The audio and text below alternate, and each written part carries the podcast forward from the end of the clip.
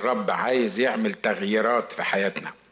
عايز يعمل تغييرات للأحسن في حياتنا طبعا لأن الرب لما بيعمل تغييرات بيعمل تغييرات للأحسن.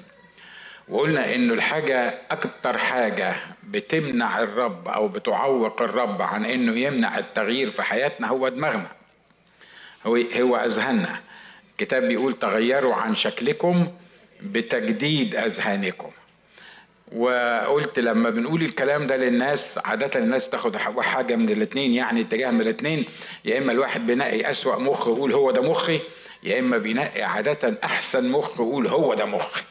لكن محدش بيفحص نفسه قدام الله عشان يعرف بالظبط مخه وذهنه بيتصرف إزاي. اتكلمنا كتير عن أذهان كتيرة من أول السنة وبنتكلم دلوقتي عن الذهن اللي اسمه الذهن المرفوض. واتفقنا إن الذهن المرفوض ده اللي رافضه هو الله. الله مش عايز يتعامل مع الناس دي مع أصحاب الذهن ده. تقول لي هو في حد ربنا مش عايز يتعامل معاه؟ في حد ربنا مش عايز يوصل له؟ لا هو عايز. لكن الحقيقة هو ما يقدرش يتعامل مع الناس اللي عندهم أذهان بعد ما عرفوه. وبعد ما عرفوا مين هو.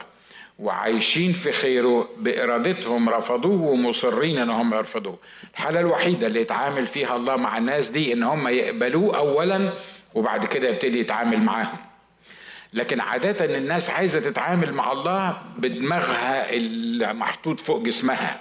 مش عايزة تتغير مش عايزة تغير أفكارها لكن عايزة الله يغير طريقته ويغير أفكاره ويغير أموره بما يتناسب مع دماغي أنا. ده مش هيحصل. ليه؟ لأن الله مش هيغير نفسه. لأن الله ما يقدرش يتغير. لأن الله ثابت إلى الأبد. ما يقدرش يتغير. اللي يتغير أنا وأنتو اللي يتغير دماغي ودماغك. لكن إحنا في مرات كتيرة بيبقى عاجبنا الطريقة اللي إحنا ماشيين بيها وطريقتنا في حل الأمور وفهم الأمور وكل حاجة عجبانا في حوالينا كده فإحنا عايزين إن الله يكيف نفسه على شخصيتي إن الله يتعامل معايا على أساس دماغي وعلى أساس مخي. يعني ببساطة كده الله اللي غير نفسه مش أنا اللي غير نفسي. It will never work. مش هيحصل ابدا القصة ديت. لو أنا عايز الله يتعامل معايا لازم أنا أتغير وآخد الذهن الجديد وأجدد ذهني عشان الله يقدر يتعامل معايا. متفقين إحنا كلنا على الحكاية دي مش كده؟ وقلنا إنه أصحاب الذهن المرفوض ده زي ما قال عنهم الكتاب هم حمقى الافكار وقلبهم مظلم وغبي. مش هنكررها تاني الحكاية دي ويزعمون أنهم حكماء لكنهم جهلاء. والمرة اللي فاتت كنا بنتكلم عن مسلمون إلى أهوان الهواء. وقلنا الحتة دي حساسة جدا في الكتاب لأن الحتة دي بتتكلم عن movement ابتدت توضح دلوقتي. هي كانت موجودة منذ أيام لوط. واتكلمنا بالتفصيل عن الموضوع ده اللي بيسموهم ال homosexuals أو المثليين أو الراجل اللي عايز يتجوز راجل والست اللي عايزة تتجوز ست. وخلاص بقى كل واحد حر. يعني هو بمزاجه يعمل اللي هو عايزه. by the way كل واحد حر فعلا. كل واحد بمزاجه يعمل اللي هو عايزه. لكن الموضوع ده في يوم من الأيام هنتحاسب عليه. كان الكتاب بيقول إن كل كلمة ردية أو بطالة بتخرج من أفواهنا هنتحاسب عليها. فكم وكم. لو إحنا عايزين نغير زي ما قلت السيستم الإلهي اللي هو عمله القصد الإلهي من خلق آدم وحواء. إحنا عايزين نغير الحكاية دي ونعملها على مزاجنا بطريقتنا الخاصة. فأنا حر يا أخي أنت خلقت آدم وحواء في الجنة. أنا مش عجباني مش عاجبني السيستم اللي أنت عملته ده. أنا عايز أعيش مع راجل مش عايز أعيش مع ست. أنا أنا حر أنت فعلا حر. وأنت تقدر تعمل كده. وأنت تقدر تقبل الحكاية دي. لكن خلي بالك اللي يكسر قوانين الله يحاسب بقوانين الله. واخد بالك من الفكرة؟ لما تكسر قوانين الله ما تقدرش تكسر قوانين الله ولا تحاسب بقوانين الله. لكن اللي يكسرها اللي يكسر القانون بنفس القانون يحاسبه الله. وزي ما قلت تقول لي الأيام السوداء اللي إحنا عايشين فيها دي ما كناش بنسمع عن الحكاية دي في بلادنا ما كناش بنسمع عن الحكاية دي وعمرنا ما سمعنا عن الحكاية دي. أصل إحنا في الشرق الأوسط متدينين. طبعا إحنا متدينين بس مش روحيين. وبقى في أكثر البلاد تدينا مكان ما يعني آه، ولد وعاش وقبر ويعني آه، أشهر الأنبياء زي ما بيقولوا بالنسبة للشرق الأوسط يعني. في هذه البلد 55% أنا بتكلم عن السعودية. 55% من السعوديين gays and lesbians تقول لي يعني يعني معقوله معقولة الكلام اللي أنت بتقوله ده؟ الموضوع ده وصل في الشرق الأوسط. على فكرة الموضوع ده ابتدى في الشرق الأوسط. عارف ليه؟ لأن ساعة لوط ما كانش فيه شرق آه، أدنى ولا شرق بتاع هو كان الشرق الأوسط. هي كانت الحتة اللي خلقها ربنا دي وكان لسه الناس بتتوزع فيها فالموضوع ابتدى أصلا في الشرق الأوسط والموضوع بينتشر من الشرق الأوسط بس المشكلة إن الشرق الأوسط ما عندهمش الوسيلة اللي يقدروا يعلنوا بيها أو الوسائل كانت اللي يقدروا يعلنوا بيها عن الموضوع ده. الكتاب بيقول لذلك أسلمهم الله إلى أهوان الهواء لما قرروا يعيشوا رجالة مع رجالة وستات مع ستات الله عمل إيه؟ قال لهم اتفضلوا أسلمهم. اعمل اللي انت عايزه. اعمل اللي انت عايزه. تقول لي طب ليه ربنا كده ما نزلش نار زي سدوم وعمورة وحرق الناس دول كلهم؟ لا دي مش الطريقة بتاعته. هو حرق سدوم وعمورة زي ما قال الكتاب لتكون عبرة للي هيعملوا كده بعدهم. يعني حرقها حرقها كده مثل عشان ما يجيش واحد في الأيام اللي, اللي مش عارف أقول لونها إيه اللي إحنا عايشين فيها نشكر الله المؤمنين أيامهم كلها بيضة مش كده؟ ها؟ فيش ألوان تاني عند المؤمنين في ألوان تاني عند غيرهم هم حرين لكن إحنا ألواننا بس بيضة. عشان لما يجي واحد في الأيام دي ويقول يعني ربنا ممكن يكون راضي عن الكلام ده نقول له لا ربنا ما كانش راضي عن الكلام ده انه في يوم من الأيام اللي كانوا عايشين في الوضع ده حرقهم نزل نار من السماء اتحرقوا. تقول طب ليه ربنا ما يعملش كده؟ لا هو عمل لك المثل وقال لك إن ده النهاية. لكن أنت اللي تقرر إيه اللي تقدر تعمله بالظبط. وهكذا باقي الموضوع إن هو الله أسلمهم إلى أهواء الهوان. واحد من سمات أصحاب الذهن المرفوض إن هم بيصروا أن يفعلوا عكس حكم الله. الذين اذا عرفوا حكم الله طبعا أنا عارف إن كل واحد كل دين في الأديان عندهم أحكام لله وده حكم الله ولما تعمل حاجة حد يدي لك فتوى ويرجع إن كان للقرآن ولا الحديث. وبعدين على فكرة مش عايزين نلوم الجماعة اللي بره لأن إحنا مرات برضه بنعمل نفس القصة.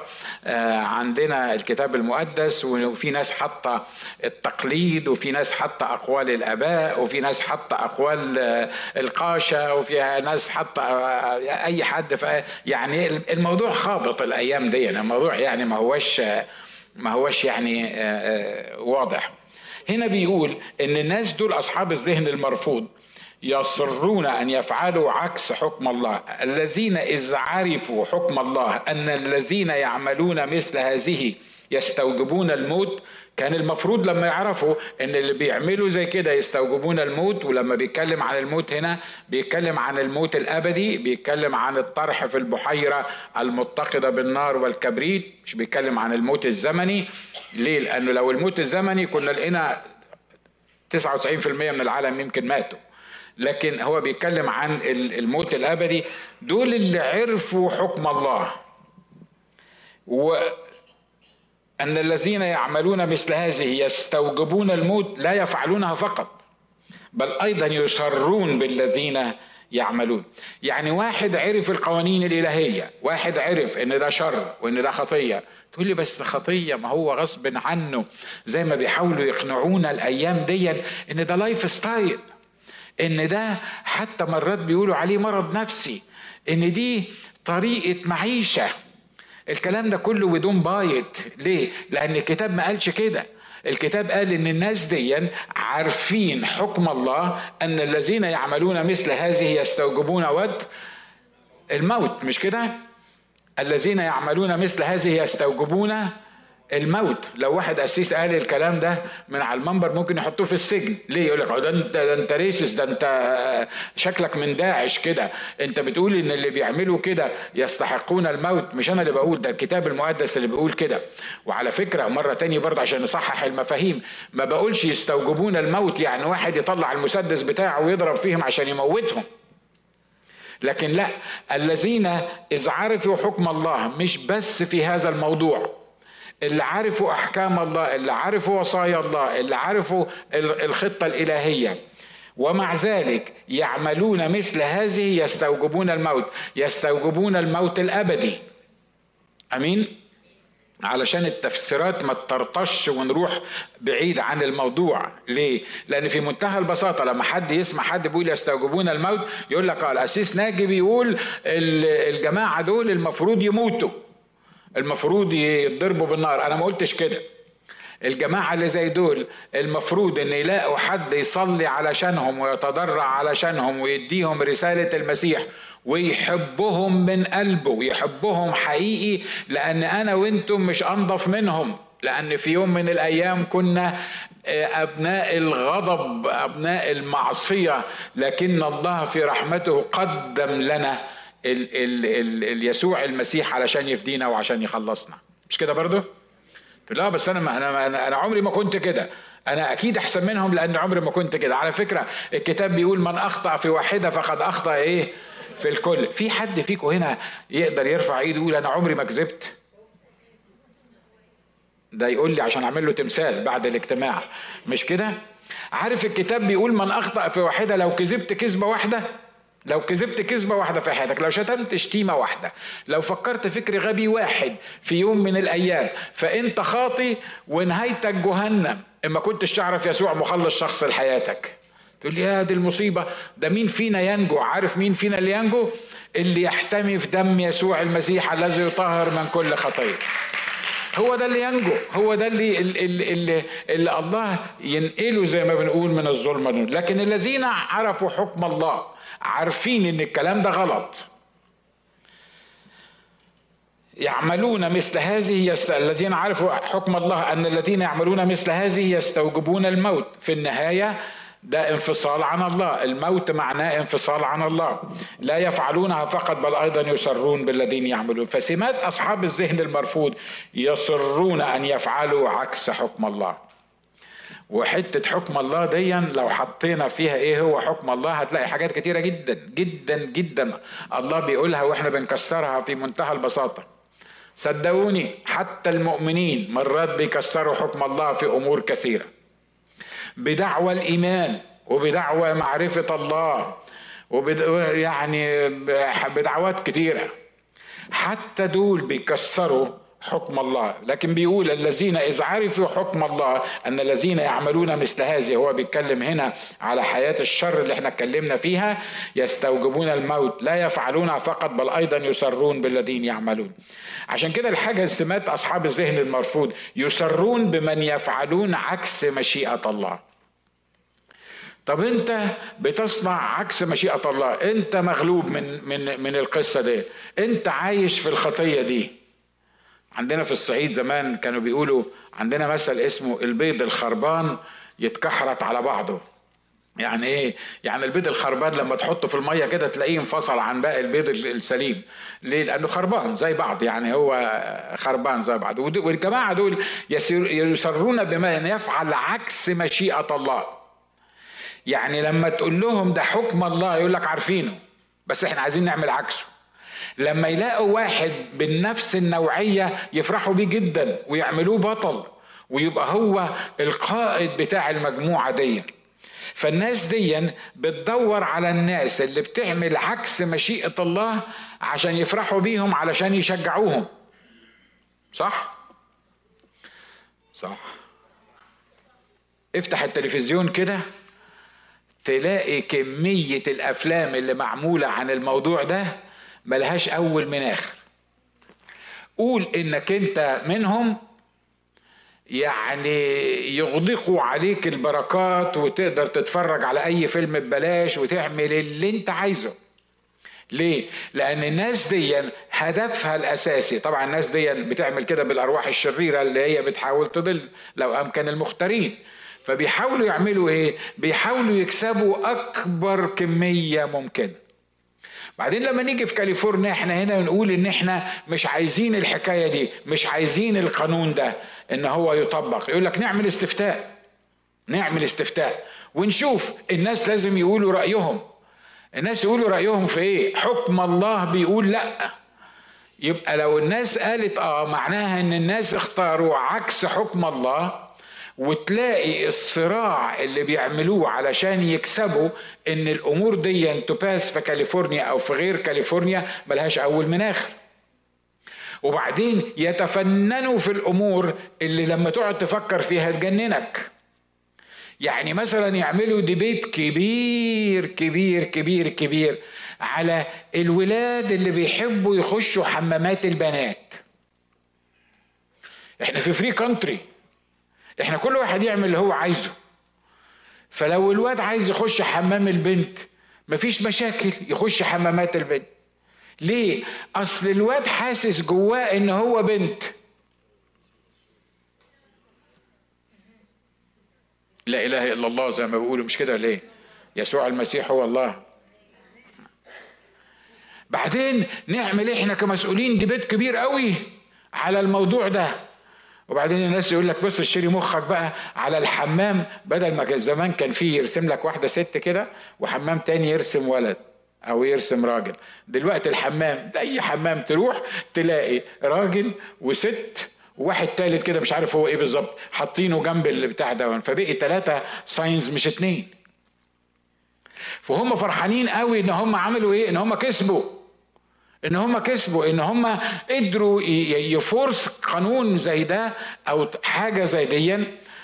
وبعدين تفهمهم إنك لما تربي الأولاد بالطريقة دي وهم في المدرسة الابتدائي أنت بعد كده منتظر الأولاد دي تتصرف إزاي؟ يقول لك إحنا عايزينهم بقى يتصرفوا عكس اللي أنت عايزهم يتصرفوا فيه.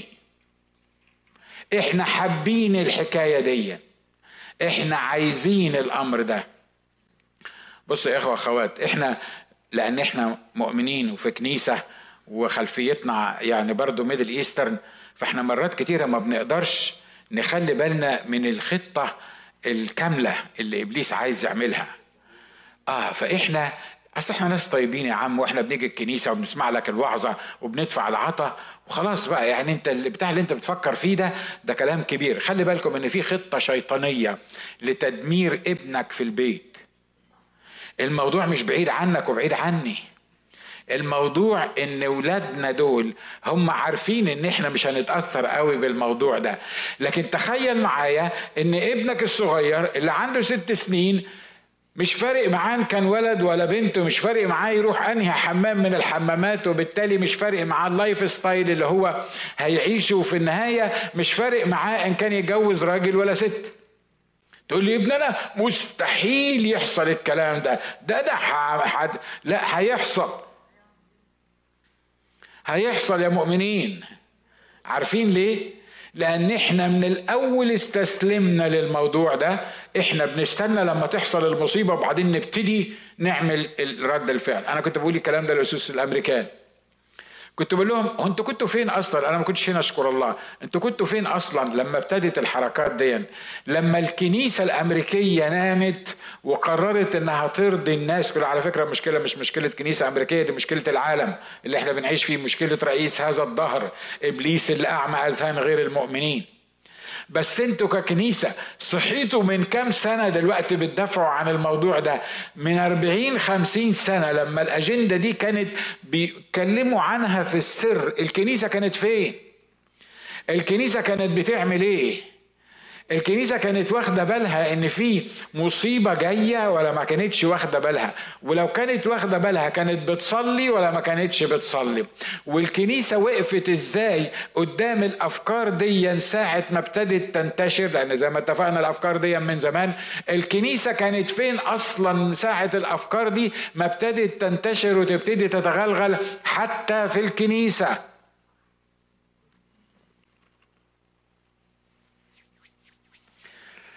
قول يا رب ارحمنا. ها؟ وحط ولادك بين ايدين الرب لأن ده الضمان الوحيد. ده الضمان الوحيد اللي يضمن اولادك في المسيح. وخليك القدوة بتاعهم. هاتهم وتعالى الكنيسة. ولما أقول لك مش رايح الكنيسة اقرفه في عيشته. أنا بقول على الانترنت اهو على التلفزيون اقرفه في عيشته. ما تخليهوش ينام الصبح من غير ما تنزل وتقول له انت ما رحتش الكنيسة ليه يا حبيبي؟ عارف ليه؟ لأن إحنا في free country ما تقدرش تقول له أنت ما رحتش الكنيسة ليه؟ لا بقول له. ولما ما يكونش في الكنيسة بقول له. ولما يحس إن هو مريح شوية أنا بقول له وبتابعه. أمين؟ إحنا يا إخوة أخوات المؤمنين إحنا محتاجين محتاجين نبقى إيجابيين في تعاملنا مع هذه الأمور. تقول لي وإحنا هنقدر نعمل إيه؟ على فكرة الكنيسة هي انجاز التعبير كلمة مؤسسة أو الجسد الوحيد على الأرض اللي يقدر يحل كل مشاكل الأرض. مرة تانية بقولها وكتبتها في أكتر من مقالة. الكنيسة هي الجسد الوحيد على الأرض اللي يقدر يحل كل مشاكل الأرض. عارف ليه؟ لأن رأس الكنيسة هو المسيح القادر على كل شيء الذي يقول فيكون والذي يأمر فيصير. عشان كده الكنيسة مدعوة إنها تقف في الثغر قدام العدو وهي اللي تقدر تنقذ الناس من جوف اللهيب. وما تصدقش العدو إن لا حول لنا ولا قوة مش هنقدر نعمل حاجة مش إحنا غصب عننا إحنا أقلية. أقلية وأكثرية دي ملهاش أي قيمة عند الله. ليه؟ لأن أي واحد جنبه المسيح يبقوا أكثرية مهما كان الجيش اللي نازل عليه. فإحنا أكثرية مش أقلية لأن الواحد الكتاب قال إن الواحد فينا بألف والاتنين بربوة والاتنين بعشر تلاف قول له صحينا يا رب. الذين يسرون الذين إذا عرفوا حكم الله أن الذين يعملون مثل هذه يستوجبون الموت لا يفعلونها فقط بل أيضا يسرون بالذين يعملون ذلك. في النهاية كيف يتحول أصحاب الذهن المرفوض؟ إلى ذهن مقبول. واحد التوبة. أمين؟ إحنا اتفقنا إن الله الله لا يعدم وسيلة. لكن الله عطى الناس دول أو أو الناس دي بإليها ذهن مرفوض والله بيتعامل معاهم هو اللي رافض الأذهان دي ليه؟ لأن الأساس بتاعت البناء هو إن الناس دي تتوب. الناس اللي إحنا بنتكلم عنهم دول مش محتاجين علاج نفسي. مرة تاني بقولها. الناس دي مش محتاجة علاج نفسي. ليه؟ لأن العلاج النفسي عادة بيعتمد على إمكانية الإنسان اللي يقدر يعمله الإنسان. عشان كده لما تيجي الواحد ميت وتقول له عيب عليك يا ميت مش المفروض إنك تعمل كده المفروض إنك تتجوز واحدة مش واحد. أنت بتكلم ميت كما قال الشاعر قد أسمعت لو ناديت حيا لكن لا حياة لمن تنادي. أنت بتكلم ميت وتقول له ما يصحش وعيب عليك وما ينفعش تعمل الحكاية دي إمتى تحصل على النتيجة الحقيقية؟ لما تتنبأ زي ما كنا بنقول امبارح على العظام اليابسة وتقول للعظام اليابسة أيتها العظام اسمعي كلمة الله فيدخلها روح وأول ما يدخلها الروح تبتدي تكلمهم يبتدوا يفهموا. عشان كده الناس دي محتاجة لتوبة. إحنا بنحاول نلاقي لهم لأن إحنا بنتعامل بطريقة النفس وعلم النفس وعلم المشورة ونشكر الله كل الحاجات دي حلوة. ما حدش قال حاجة عشان ما حدش اللهم لا اعتراض يعني لحسن حد يكون بيشتغل في المجال ده ويزعل مني.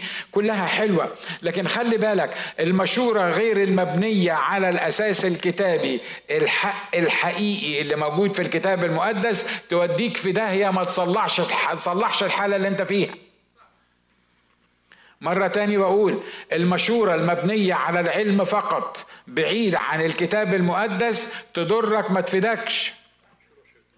ليه؟ لأن المشورة المبنية على الكتاب المقدس بتتكلم عن فكر الله.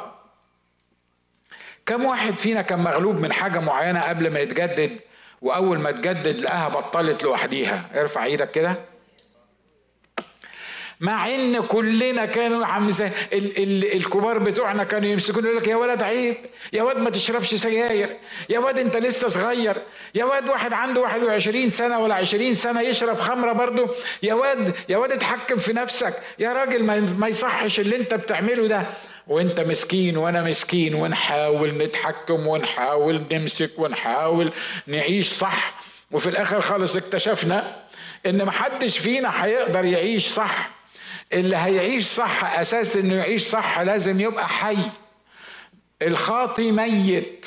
اللي معرفش يسوع المسيح مخلص شخص لحياته ميت. عارف ميت يعني إيه؟ يعني لا بيسمع ولا بيشوف ولا يقدر يتحرك ولا يقدر يعمل حاجة ولا يقدر يقاوم. الخاطي ميت. بص اللي جنبك قول له الخاطي ميت. الميت مش محتاج حد يعلمه الأدب. الميت مش محتاج حد يعلمه إزاي يحترم الناس اللي حواليه. الميت مش محتاج حد يعلمه يلبس إيه وما يلبسش إيه. الميت مش محتاج حد يعلمه يتجوز مين ولا ما يتجوزش مين. الميت محتاج حاجة واحدة بس يصحى الأول يدخلوا الحياة الأول وبعد كده علمه زي ما أنت عايز. أمين؟ عشان كده الناس اللي بيتكلم عنهم أصحاب الذهن المرفوض دول دي فقط طريقة الإصلاح الوحيدة بتاعتهم التوبة. تقول لي مش هيتوبوا هم حرين. طب ليه ربنا ما توبهمش غصب عنهم؟ ربنا ما بيتوبش حد غصب عنه بزوي الله ما بيتوبش حد. عارف ليه؟ لأن الله مش خالق آه، آه، روبوت. يعني إنسان آلي كده. يقول له توب يتوب. ما ما تتوبش ما, ما يتوبش. لا ده مش مش هيحصل كده. الله عطيني أنا الاختيار إن أتوب أو لا أتوب. وبيحترم إرادتي الشخصية. أمين؟ عشان كده الحل بتاع الناس دول ما تقعدش تنصح فيه بقولها للمرة الأخيرة ما تقعدش تنصح فيه إزاي يبطل ال lifestyle اللي هو عايشها دي ولا إزاي ياخد ذهن مش مرفوض. ما تقعدش تنصح فيه لأنك بتنصح في ميت. لكن قدم له يسوع المسيح اللي يقدر يغيره ويقدر يديله قوة ويقدر يديله نصرة ويقدر يبدل الحالة اللي هو موجود فيها. فالناس دول محتاجين إيه؟ محتاجين توبة. حاجة تانية محتاجينها الناس دول لأن خلي بالكم ياما ناس تايبين ياما ناس يعني آه ندمانين. على الخطية بتاعتهم. وياما ناس أسمائهم مكتوبة في سفر الحياة. وفي يوم من الأيام عرف يسوع مخلص شخص لحياته. لكن الحقيقة وخلينا نتكلم يعني بطريقة يعني حقيقية يعني بدل ما يعني نقول كلام الموضوع الحقيقة إن معظم المؤمنين ما كانش معظم خلينا نقول معظم المؤمنين بعد ما بيتجددوا في أول تجديدهم بيفضلوا ثلاث أربع شهور كده سخنين.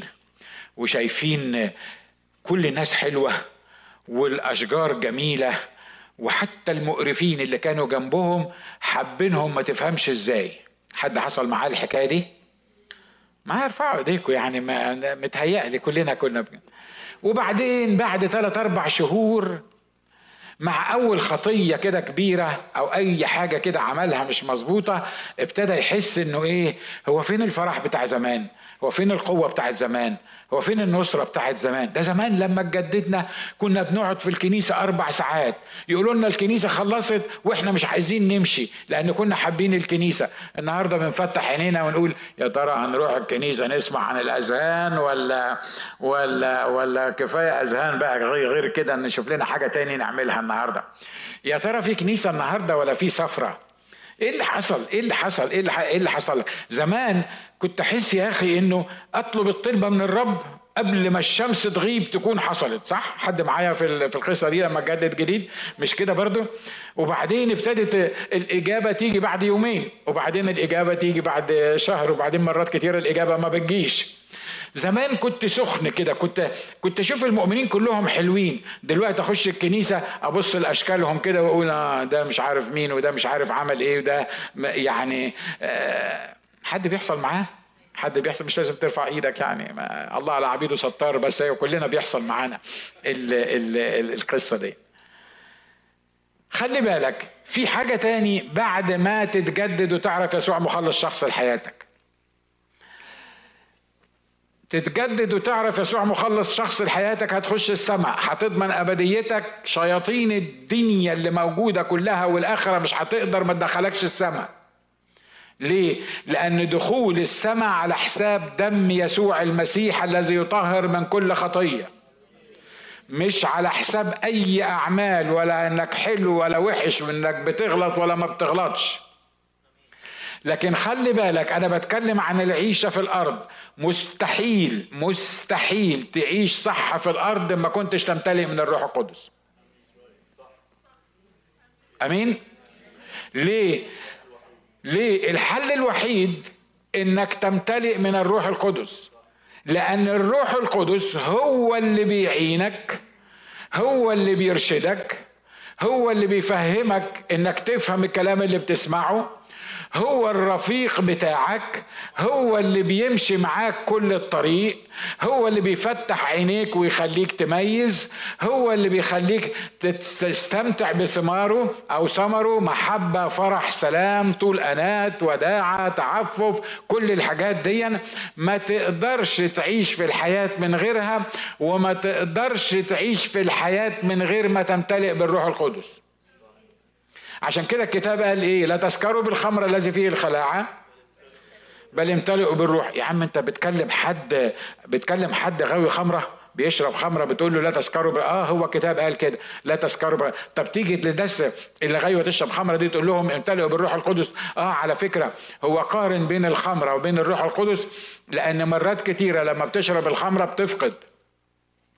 صح؟ وبتحس إنك جدع.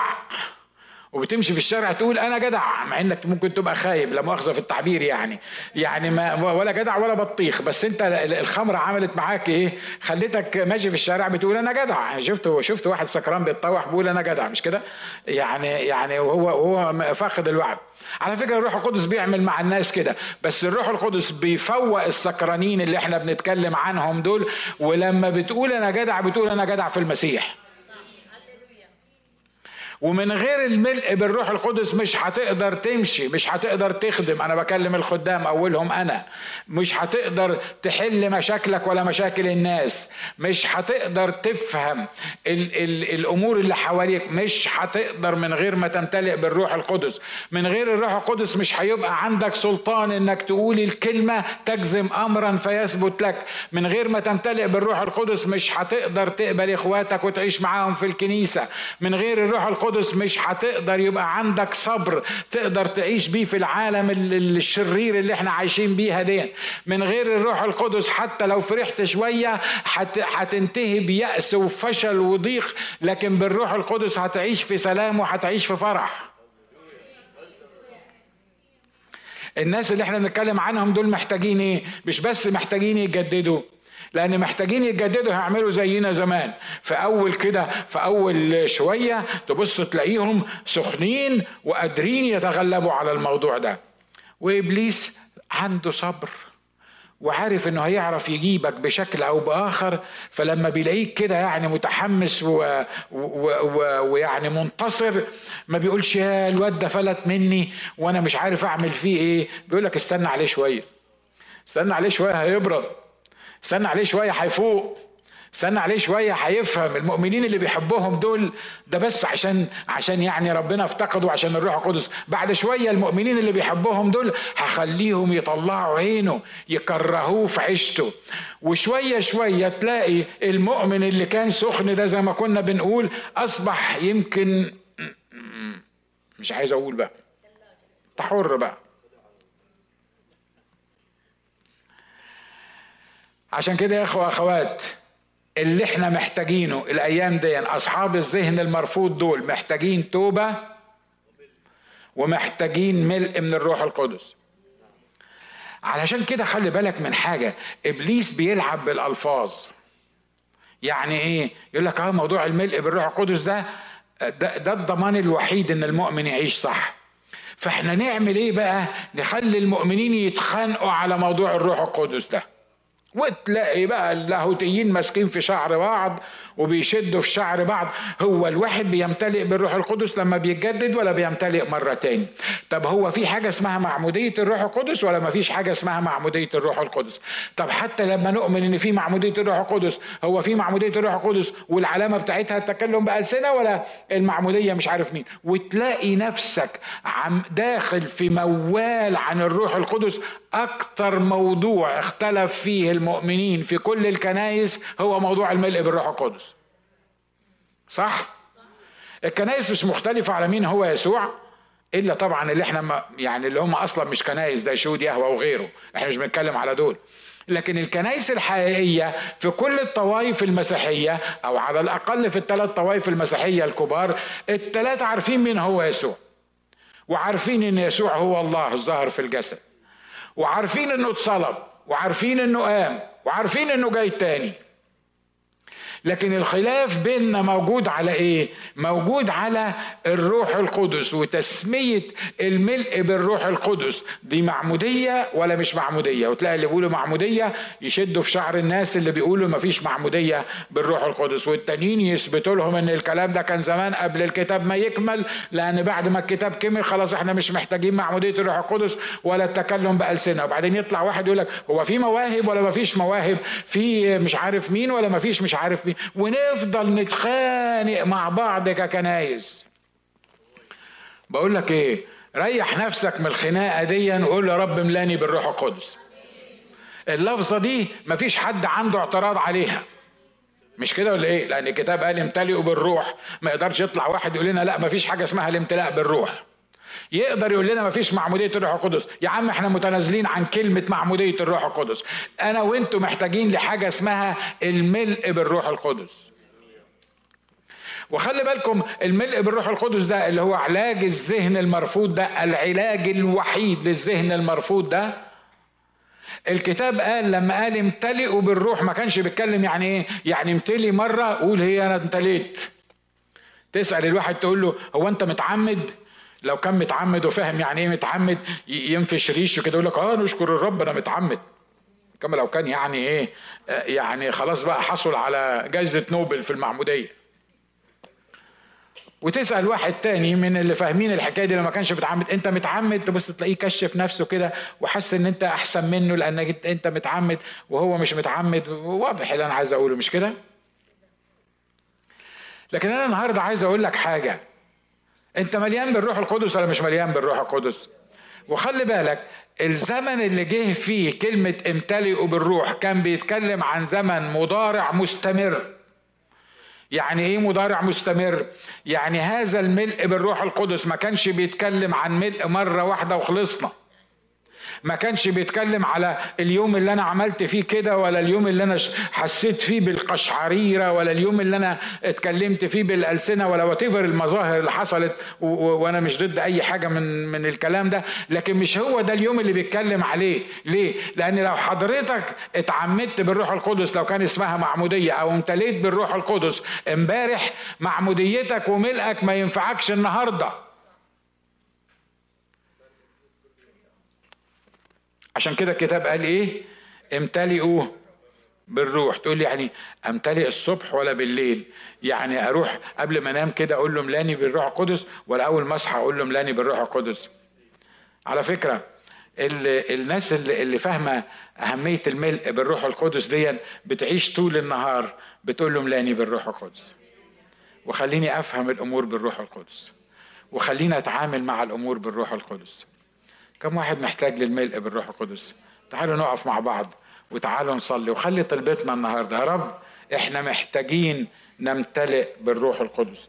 رسول بطرس قال لهم الكلمات دي توبوا وليعتمد كل واحد منكم على اسم يسوع لغفران الخطايا فتقبلوا عطية الروح القدس. مش هتقدر تمتلئ بالروح القدس ما كنتش تعترف بخطيتك وما كنت ما كنتش تقبل يسوع مخلص شخص لحياتك.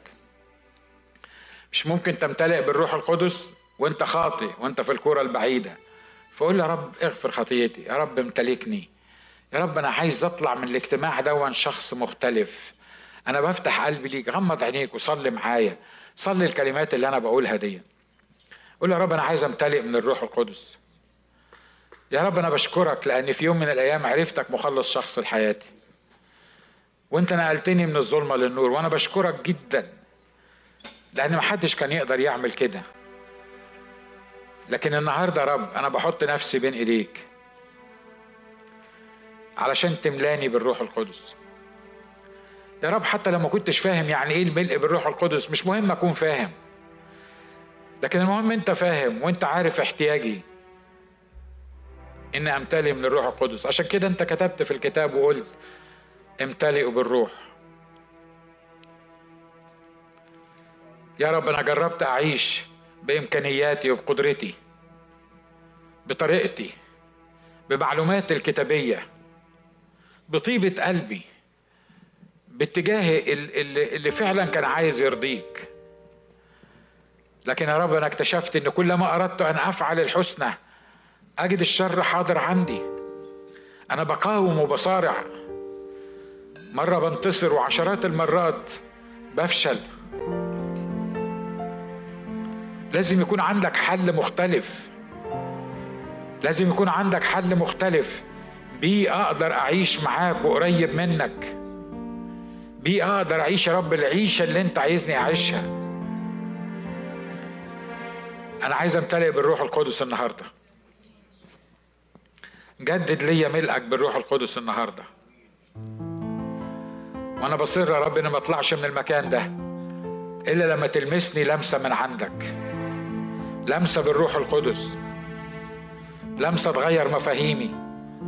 لمسة تغير حياتي. لمسة تفتح عينيا.